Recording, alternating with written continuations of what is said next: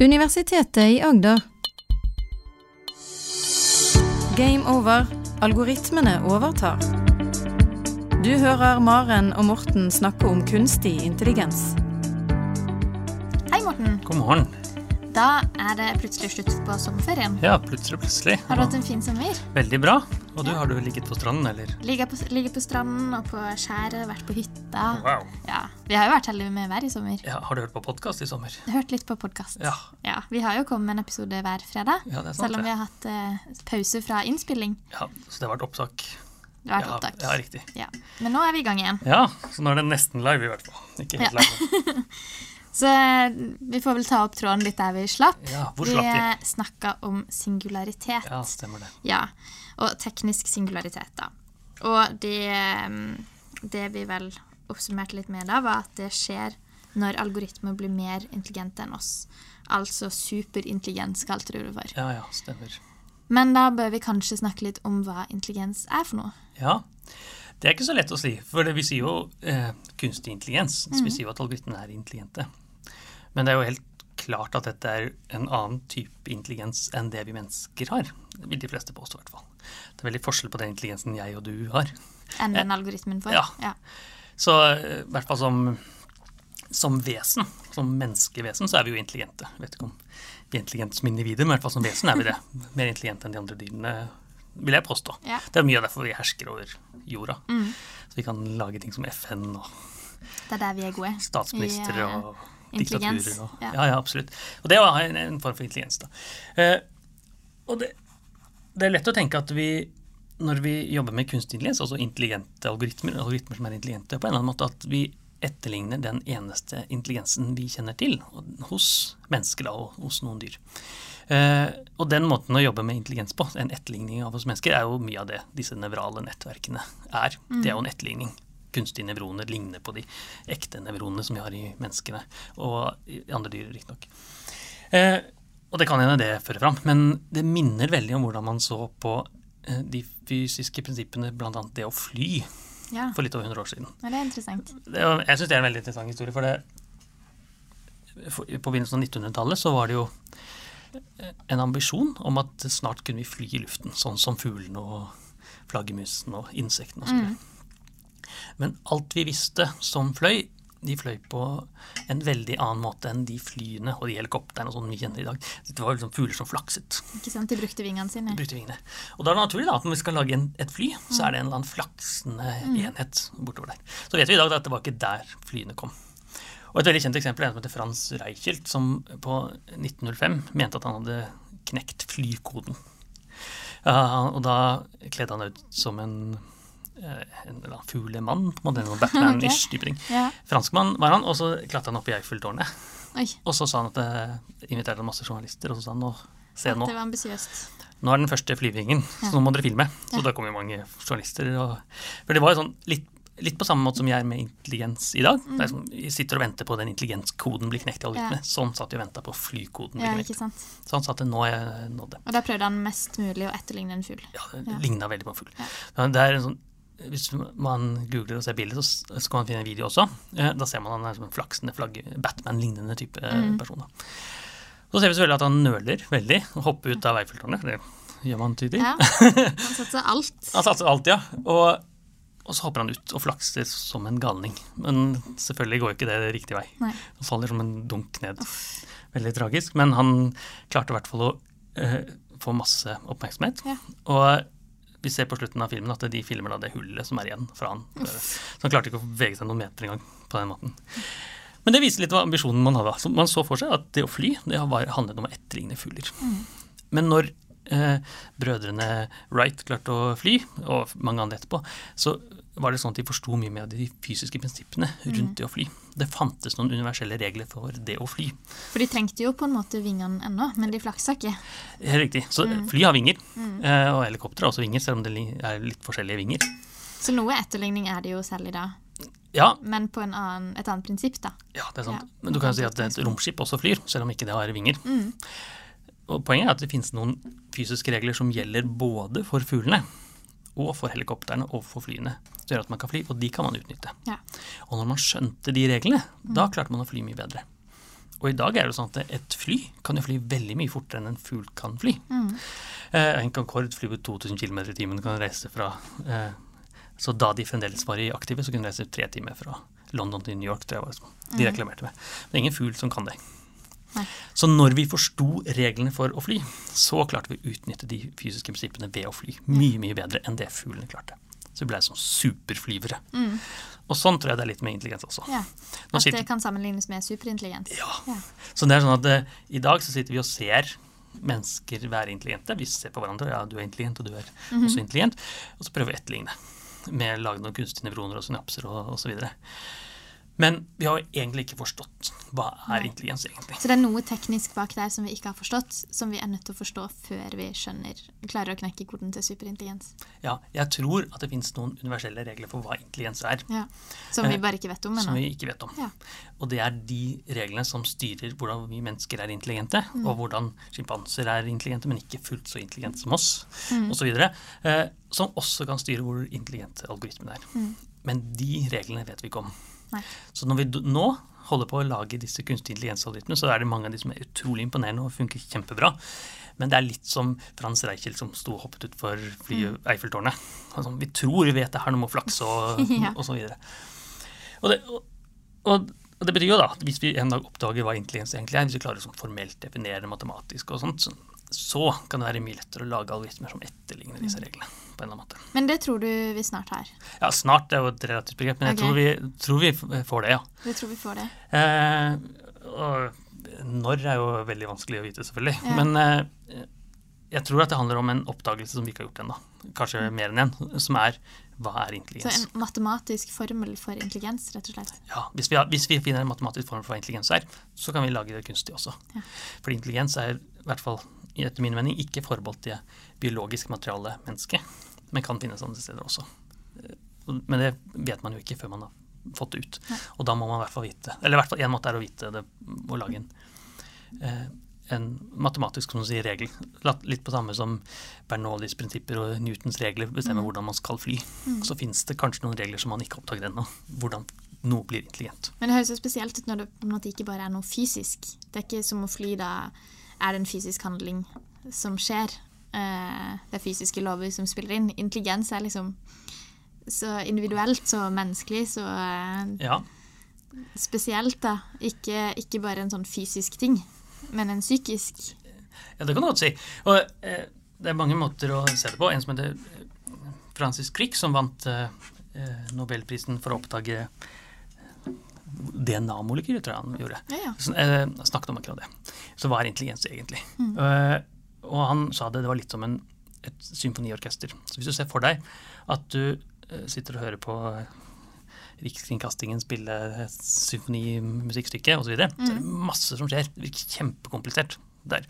Men så kan man bryte det ned. Man kan si at hvis, jeg, hvis vi i et, noen spiller eh, en eller annen sang 'Ja, vi elsker' eller noe sånt, og så akkurat forsvinner den eh, ene fiolinisten, f.eks. Så vil vi som ikke er eksperter på musikk, vil kanskje ikke høre forskjell. Så de som er eksperter på det, vil sikkert høre det, men vi som ikke er det, vil ikke høre en Mm. Så det betyr at det, hvor er det egentlig musikken sitter i et symfoniorkester? Ja. Hvor er det der? Ja. Og svaret er at det er ikke hos den fiolinisten. Men det er også hos den fiolinisten. Det er litt, litt overalt, da. Litt overalt. ja. Og hvis vi da tenker det samme er i, eh, i hjernen vår, så er det masse nevroner osv. Så, videre. så hvor er det intelligensen egentlig sitter? Ja. Det er liksom ikke i den. Kan jeg fjerne noen nevroner, og så forsvinner intelligensen? Ja, lite grann, kanskje. Ja. Men på en eller annen måte sitter intelligensen overalt. Litt som der. En annen måte å se det på er jo litt som en, en tryllekunst. da. Eh, og hvis du da ser en tryllekunstner sage en dame i to, så virker det kjempeimponerende. ikke sant? Mm. Hvis jeg skulle prøve det samme, hvis jeg skulle prøve å sage deg to, så hadde det sikkert ikke gått så bra, tenker jeg. For jeg vet ikke hvordan man gjør det. Uh, Men idet man skjønner hvordan tryllekunstner sager en dame i to, eller liksom to damer inn i samme boks eller noe speil, eller jeg aner ikke, men, men det er en eller annen forklaring, da forstår vi hvordan tryllekunsten er. Og da er det ikke så imponerende lenger. Nei. Og intelligens er litt sånn. Både intelligens og det vi kanskje skal snakke om litt senere, bevissthet, er litt sånn. Det er noe som er liksom litt for avansert at vi egentlig kan forstå det. Vi har ikke forstått prinsippene. Men det skjer der. Ja. der. Det på samme måte, Jeg husker da jeg var på vet ikke hvordan, hvordan du var i sangtimene på ungdomsskolen osv., men en teknikk hos oss var at vi bare lata som vi sang. Oh, ja. Og det fungerte jo fint da hvis alle andre sang, men Ja. når det var sånn ca. halvparten som gjorde det, så gikk det galt. Så gikk det galt, ja. Og sånn kan man tenke gjerne også. Hvis liksom halvparten av nevronene sier stopp, så er det feil. Ja. Men hvis, hvis bare én eller to eller tre eller Så noe, går det greit så går det liksom greit. Ja. Og da er det jo spørsmålet hva er, hva er egentlig intelligens? Og det er jo et veldig vanskelig spørsmål. Men det er jo det er mange som har eh, snakket om det, og en av de er jo den vi har snakket om tidligere, Alan Turing. Snakket Mm. om intelligens og Og Turing-testen. Turing-testen. Ja. Ja. Hvor eh, Alan Turing snakket om at en algoritme, et dataprogram, kan bli intelligent når vi kan holde en samtale med algoritmen, Mm. og vi tror det er et annet menneske. Så når vi ikke hører, skjønner forskjell på algoritmen og mennesket, Ja. så er det intelligent. Og det er jo en, en fin form for intelligens, det. Mm. Eh, Men det fordrer jo at algoritmen kan snakke, på en måte. Ja. Hvis, hvis den kan snakke norsk eller engelsk eller noe, så er det jo det som gjør den intelligent. Men er Turing-testen kun på tale, eller kan man si at eh, når, når algoritmen kan skrive så godt som et menneske, hvis vi ikke ser forskjell på skri, skrivinga på en stil da, til Ja. en algoritme og et menneske? Turing-testen gjelder også for skrift. Ja. Så mye av de eh, testene som er gjort som ligner på Turing-testen, er gjort Mm. med sånn eh, SMS-lignende okay. samtaler. Ja. Eh, og det er jo eh, eh, Men man kan jo egentlig definere det Men det må være en samtale, ikke, en, det, det en samtale. ikke bare en oppgave, ikke bare en innlevering på et vis. Ja, Mm. Så du kan definere varianter av Turing-testen, som Ja. er det, men Turing-testen var egentlig en samtale. Ja. Så han så for seg en samtale hvor man snakket, Ja. og så har man liksom skjønt at det, det å skrive er en fin ting å gjøre. Og, og da kan man tro at når man en, har holdt en samtale med en algoritme, så er den intelligent. Mm. Eh, og da var det en som heter John Searle, som var uenig. Han, okay. ja. han, han tenkte ok, så fint, det er jo det å holde en samtale er jo fint, det, men eh, den er jo egentlig ikke intelligent da heller. Så det han definerte, var noe som han kalte det kinesiske rom. Ok. Uh, og kinesiske rom er, hvis du da ser for deg noe som ligner på en Turing-test, men det sitter en person inni en boks, altså ikke en eh, datamaskin der, men sitter en person inni en boks, og så skal du prøve å snakke eh, kinesisk med den boksen. Ok. Eh, Og da skaffer du en kineser, da, som kan snakke med Ja. Som skaffe en kineser, da. Men han personen som sitter i boksen, han er engelsk da, eller norsk, eller han kan i hvert fall ikke et ord kinesisk. Ok. Men det han har, har, han har i boksen, det er eh, regler for hvordan kinesisk og engelsk oversettes. Ja. Hvis jeg antar at eh, han som snakker med boksen, er engelsk John Turl var jo amerikaner. Eller han er amerikaner, han lever ennå. Og, og han, eh, han som snakker boksen, er kinesisk, men han sitter inni boksen, er engelsk. Han har ordboken engelsk, eh, kinesisk og alle regler osv. Ja. Så hvis da den kineseren kommer og snakker med eh, boksen, så vil jo han engelskmannen, amerikaneren, som sitter der inne som bare snakker engelsk, klare å slå opp hvordan er det, hva er det han sier, og hvordan skal jeg svare, osv. Mm. kan bruke veldig lang tid, men han kan få veldig gode svar. Kan helt, få helt perfekte svar. Hvis han bruker lang tid, ja. Hvis han bruker lang tid. Kan bruke et år eller noe på å skjønne hva han skal svare. Mm. Og så får han svaret tilbake. På kinesisk. Så jeg spør hvordan går det, og så svarer du ja, det går bra. På Ja. kinesisk. Mhm. Eh, og da, da vil jo da den kineseren tro at det sitter en kineser på innsiden. Så han bruker litt lang tid, men han liksom tror det. Og John Searles argument da var at han personen sitter inne, han kan jo ikke to kinesisk. Men allikevel så oppfører han seg kinesisk på den Mm. måten. Altså et kinesisk rom. Og hvis du da tenker at det, vi ikke snakker om kinesiske, men snakker om intelligens, Mm. så hvordan vil jeg, hvis jeg snakker med en intelligent algoritme, skjønne om det er intelligens, eller bare en som later som det er intelligent, det har liksom alle reglene for intelligens inni Ja. der. Så det John Searle mente, da, det var jo at det er ikke noe forskjell. Eller det er en stor forskjell på eh, den eh, det å virke som være intelligent, og det å faktisk være intelligent. Mm. Han mente at Turing-testen ikke testet på om man var intelligent, men om man virket som intelligent. Okay. Og det var han som definerte disse svake og sterke intelligensene vi snakket yeah. om tidligere. Så når- en algoritme bare virker intelligent, så er den en svak intelligens. Mm. Mens når den da egentlig er like intelligent som mot mennesker, som da Turing-testen ikke tester, mener han, så vil den da være sterk intelligens på den måten der. Så han hadde en helt annen definisjon. Han mente at det fantes ikke noen god test for intelligens. på noe. Så han hadde ikke noe forslag til en annen test som kunne brukes? Han bare Nei. sa at den testen er ikke god nok? han, han mente at den testen ikke var god nok, og Ja. at det, må testes på en annen måte. Intelligens er noe mer, litt som du sa i stad. Det er noe litt, så- ikke magisk, men det er noe eh, mer kraftfullt enn det som kan testes Mm. med regler på den måten. Da. Men det finnes mange måter å teste intelligens på. Eh, Har du, hva tenker du? Hvis du skulle testa intelligens på et annet menneske, hvordan ville du gjort det? Tenker du? Nei, jeg vet ikke. Jeg syns det er litt vanskelig eh, Jeg vet ikke åssen jeg skulle sett forskjell, som du sier, da, på en kunstig intelligens og et menneske hvis, Ja. man, hvis den kunstige intelligensen er god nok, og du ikke kan fysisk se noen forskjell eller eh, Det er sant, det. Jeg, så det, det, er mange, det er jo et veldig vanskelig spørsmål, for det er veldig mange som har prøvd det. Mm. Eh, og, og det mest kjente er jo det vi kjenner som IQ-testen. Ja. At vi skal teste intelligens på mennesker. Ja, det er sant. Det er jo en eh, Og det var, jeg tror det var brukt under første verdenskrig. Ja. Så hvor det var første gang liksom, variasjon av det. Og, det, og da, det var for å sortere mennesker. Og si at Mm. det, de som var intelligente nok, de skulle bli høyere opp i militærsystemet. Mens de som ikke var intelligente, de skulle, eller ikke var fullt så intelligente, de skulle bli Ja, for du vil ikke si at hvis man har lav IQ, så er man ikke intelligent i det hele tatt? Det, Fins det mennesker som liksom ikke er noe intelligente? Ja, ja, det spørs hva man definerer, da. ja. Så ifølge den testen, så det den ble brukt i, var å sortere mennesker. Hvis du hadde en høy intelligensnivå, så skulle du bli offiser. eller Ja. sånt. Hvis du var lav intelligensnivå, så var du best for å skyte. Ja. Det var som tanken, da. Okay. Det er et sorteringssamfunn som ikke vi liker i dag, Mm. men det var det den var brukte. Men du, du har helt rett, da. Så selv, hvis man kan si det, selv de dummeste menneskene er jo voldsomt mye mer intelligente enn de smarteste apene. Ja. Så, altså, vi mennesker generelt er jo veldig intelligente. Og så det de Og så har vi jo ulik intelligens. IQ Ja. er jo ikke, tester jo nødvendigvis ikke all intelligens. Du har jeg- sosial intelligens, eller du har eh, matematisk intelligens. Jeg er helt enig med deg. IQ-testet sånn som den er i dag, er jo veldig testet et veldig snevert område Mm. av intelligens. Uh, street smart sånn, Ja, eksempel, som IQ-test ikke tester. Du kan være sånn IQ-intelligent, men ikke være street smart. Ja. Eller omvendt. Mm. Så IQ-test kan jo teste om, uh, om et menneske har en eller annen form for intelligens i form av disse eh, Hva er det neste bildet? Ja. Eh, men den vil jo ikke teste en algoritme. For den algoritmen vil jo ikke skjønne en IQ-test. Det er faktisk noen eksempler på hvor man har gitt IQ-test til algoritmer også, og den klarer å forstå litt. Grann. Å ja. Men uh, veldig lite, egentlig. da. Okay. Uh, så, og hvis man da tenker at det kommer eh, Hvis vi ser for oss et tankeeksperiment, at det kommer et romvesen til eh, jorda, f.eks. Mm. Så kan vi tenke, ja, vi kan jo gi Så lurer vi på er den intelligent. Reist helt fra en annen planet til jorda, så noe intelligens må det være. Men er det egentlig et intelligent vesen, eller er det noe annet? Så kan man tenke seg at man kan gi den en IQ-test. Si Ja. så Skårer du mer enn 100, så er du mer gjennomsnittlig intelligent. Men antageligvis ville det romvesenet, hvis det kommer, ikke kunne skjønne hva han skal gjøre engang. Han vil ikke skjønne øh, Nei, Hvis det er på engelsk, vil han ikke skjønne engelsk. Nei. Det er ikke sikkert den kan se. Og kanskje kan den ikke snakke. Så IQ-test er jo en veldig menneskelig test. Ja. Den vil ikke teste romvesen. En menneskelig og snever test. Veldig menneskelig og veldig snever test. Ja. Så tester, selv om den kalles for en intelligenstest, så er det jo i hvert fall en veldig begrenset test. Så den passer i hvert fall ikke til å teste om algoritmene er intelligente. Mm. det er mange som har prøvd det, og en, som er, en annen som har tenkt litt lenger, at eh, en som heter Denise Hursing, Hersing. Og hun sa at eh, akkurat det, IQ-testen tester en liten del. Men hva hvis jeg skal teste ikke om et romvesen, men om en delfin, f.eks.? Ja. Så hvordan, Hva skjer da? hva skjer da? Ja, Ja, For da kan man ikke bruke en IQ-test. nei, den delfin vil jo ikke kunne Nei. finne hverandre blyanten. Kanskje hun den spise blyanten. Ja. det. Så hun hadde noen definisjoner på hva hun mente et intelligent vesen var. Og det, og det hun sa, var at eh, jeg tror det var fem aspekter. En var størrelse på hjernen, så hvis du har stor hjerne.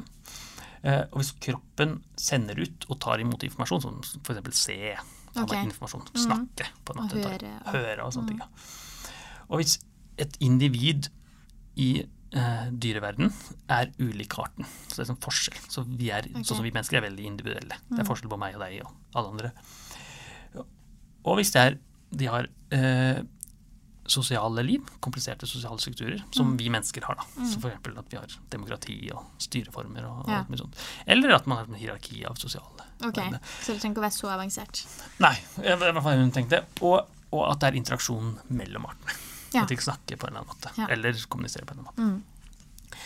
Og hun, hennes definisjon er mye bredere enn en IQ-test. Mm. Og da kan man si at det, ifølge hennes, hennes definisjon så blir jo da delfiner intelligente, som var det hun jobbet med. da. Fordi de snakker, og de er litt individer, og de kommuniserer med hverandre, og de har noen sosiale hierarkier osv. Ja. Eh, og sjimpanser blir også ganske intelligente. Mens eh, f.eks. maur blir mye mindre intelligente. For det er, det er ikke så mange individer i maurene, f.eks. Uh, og det er en mer overfattende og omslukende form for intelligens. Og spørsmålet Kan man bruke den da for å teste romvesenet? Ja. for eksempel? ja, kanskje kan man det. Eh, men det kan jo, den, også den testen er veldig menneskelig. For det Ja, f.eks. så må jo, det må jo være vi som tolker da det enkelte individ. Det er ikke sikkert uh, denne arten oppfatter seg selv eh, som det vi definerer den som. Ja. Og et romvesen er jo ikke sikkert vi oppfatter hvordan de kommuniserer med hverandre. Fordi de kommuniserer på en helt annen måte enn det vi oppfatter som kommunikasjon. Ja, ja. ja veldig godt poeng. For vi er jo veldig vant til de sansene vi har. Mm. er, dem, I gamle dager så trodde man fem sanser, men virkeligheten er mye mer. Men det å kunne liksom, eh, kommunisere med tale eller syn eller tegnspråk eller føre, ta på hverandre eller noe sånt. Ja. Alle disse tingene er vi veldig vant til. Ja. Men det kan en romvesenet gjøre på en helt annen måte. ikke sant? Så da er det veldig vanskelig, på en måte. Ja. Og da er det jo eh, eh, vel, vanskelig å teste både noe som egentlig ligner på mennesker, sånn som andre dyr, og et romvesen som kanskje til og med ligner litt på mennesker. Også det er vanskelig. Og en algoritme vil være enda mer romvesenaktig Ja. enn en, eh, et romvesen. Ja, Så et romvesen har jo vokst opp eller blitt, eh, følger de samme fysiske lovene, kanskje fra en annen planet osv. Mm. Som vil være tyngdekraften vil påvirke, f.eks. For, eksempel. for tyngdekraften eksisterer på andre planeter. Eh, Sollyset et eller annet, vil kanskje påvirke et eller annet. Så kanskje Noe i utviklinga. Noe i utviklinga. en, eh, Øyne for eksempel, har jo har dukket opp mange ganger i evolusjon. Ja. Vi mennesker har øyne, men det har dukket opp hos eh, bl.a. Uh, blekksprut. Helt uavhengig. Mm. Så kan hende at et romvesen har øyne. Men en algoritme vil aldri få et øyne på den måten. Nei. Selv om den er visuelt intelligent. Mm. Så hvis du syns det er vanskelig å teste intelligensen til en, et romvesen, Mhm. så vil det enda være vanskeligere å teste intelligensen til en algoritme. Ja. Og blir de da superintelligente? Blir de da sterk intelligens? Blir de like intelligente som oss mennesker? Det vil være Kunne ønske jeg hadde et godt svar, men det har jeg ikke. Det er litt som han den kjente fysikeren sa, Richard Feynman, sa at det å, han jobbet med fysikk, da, og han sa at det å øh, jobbe med fysikk, det var som å sitte og spille sjakk mot guder. Okay. Og, men at du bare satt og spilte i et bitte, bitte lite hjørne. Du så lite grann av fysisk Ja, du så ikke hele brettet. Du, satt, du så bare kanskje bonden og så en tårn og litt Ja. sånne ting. Eh, Men så er det veldig mye mer i sjakkverdenen Ja. som eksisterer. Så han mente at fysikk var sånn. da. Og intelligens er litt i det samme, tror jeg. Vi, vi ser litt konsekvensen av intelligens, fordi vi kan snakke og vi kan eh, ta IQ-tester og vi kan snakke om hjernen og synapser og nevroner og sånt.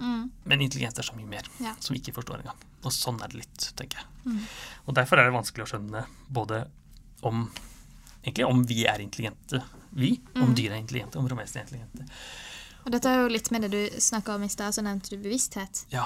Og det er jo em, interessant om Kan man være bevisst Er vi bevisste på at vi er intelligente? Det ja. mener vi jo at vi er.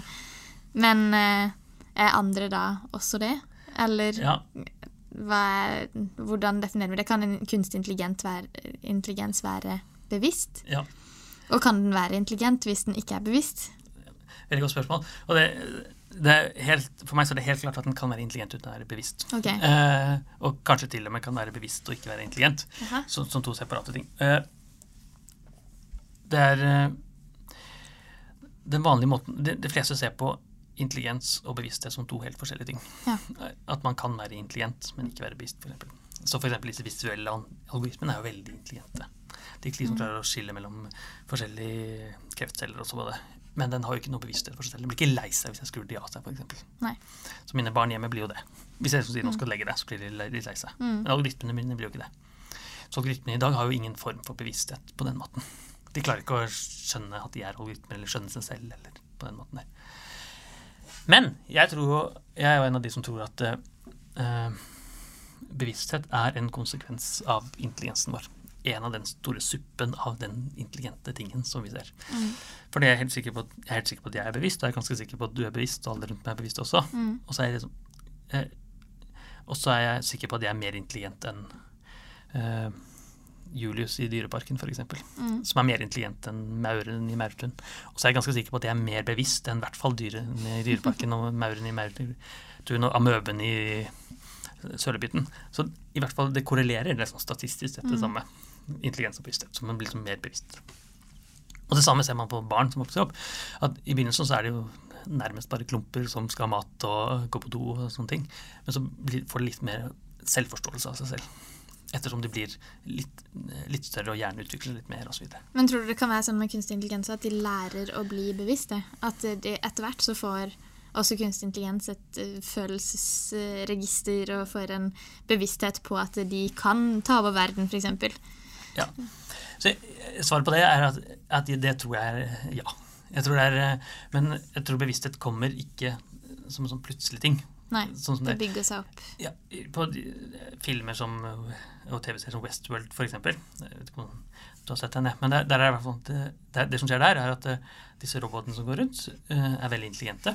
Og så følger de et manus til noen skuespillere.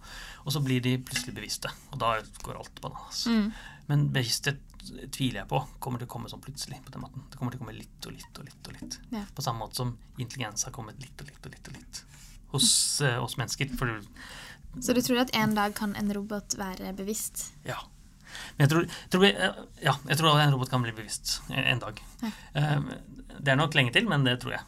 Jeg, tror også at bevissthet er også sett på litt som en sånn magisk eh, eh, substans, litt som sjelen ble sett på før. Ja. Sjelen var sånn veldig det som skilte oss mennesker fra dyrene Mm. i gamle dager. Så de fleste vitenskapsfolk tenker ikke på sjel som noe reelt nå, det er mer en sånn religiøs greie. Mm. Mens bevissthet er litt mer sånn Det er det som skiller oss mennesker fra algoritmen. da. Vi er bevisste, algoritmen er ikke det. Ja. Og det er Men eh, hva vil skille mennesker fra algoritmer når ikke bevissthet gjør det? Ja. Hvordan kan vi vite forskjell? ja, det, Kanskje utseendemessig, eller Men eh, ja, Så jeg tror at det. Verdigrunnlaget, da. ja, ja. Vil, I dag så vil vi jo ikke si at eh, en algoritme er på er like mye verdt som barnet ditt, f.eks. Absolutt ikke.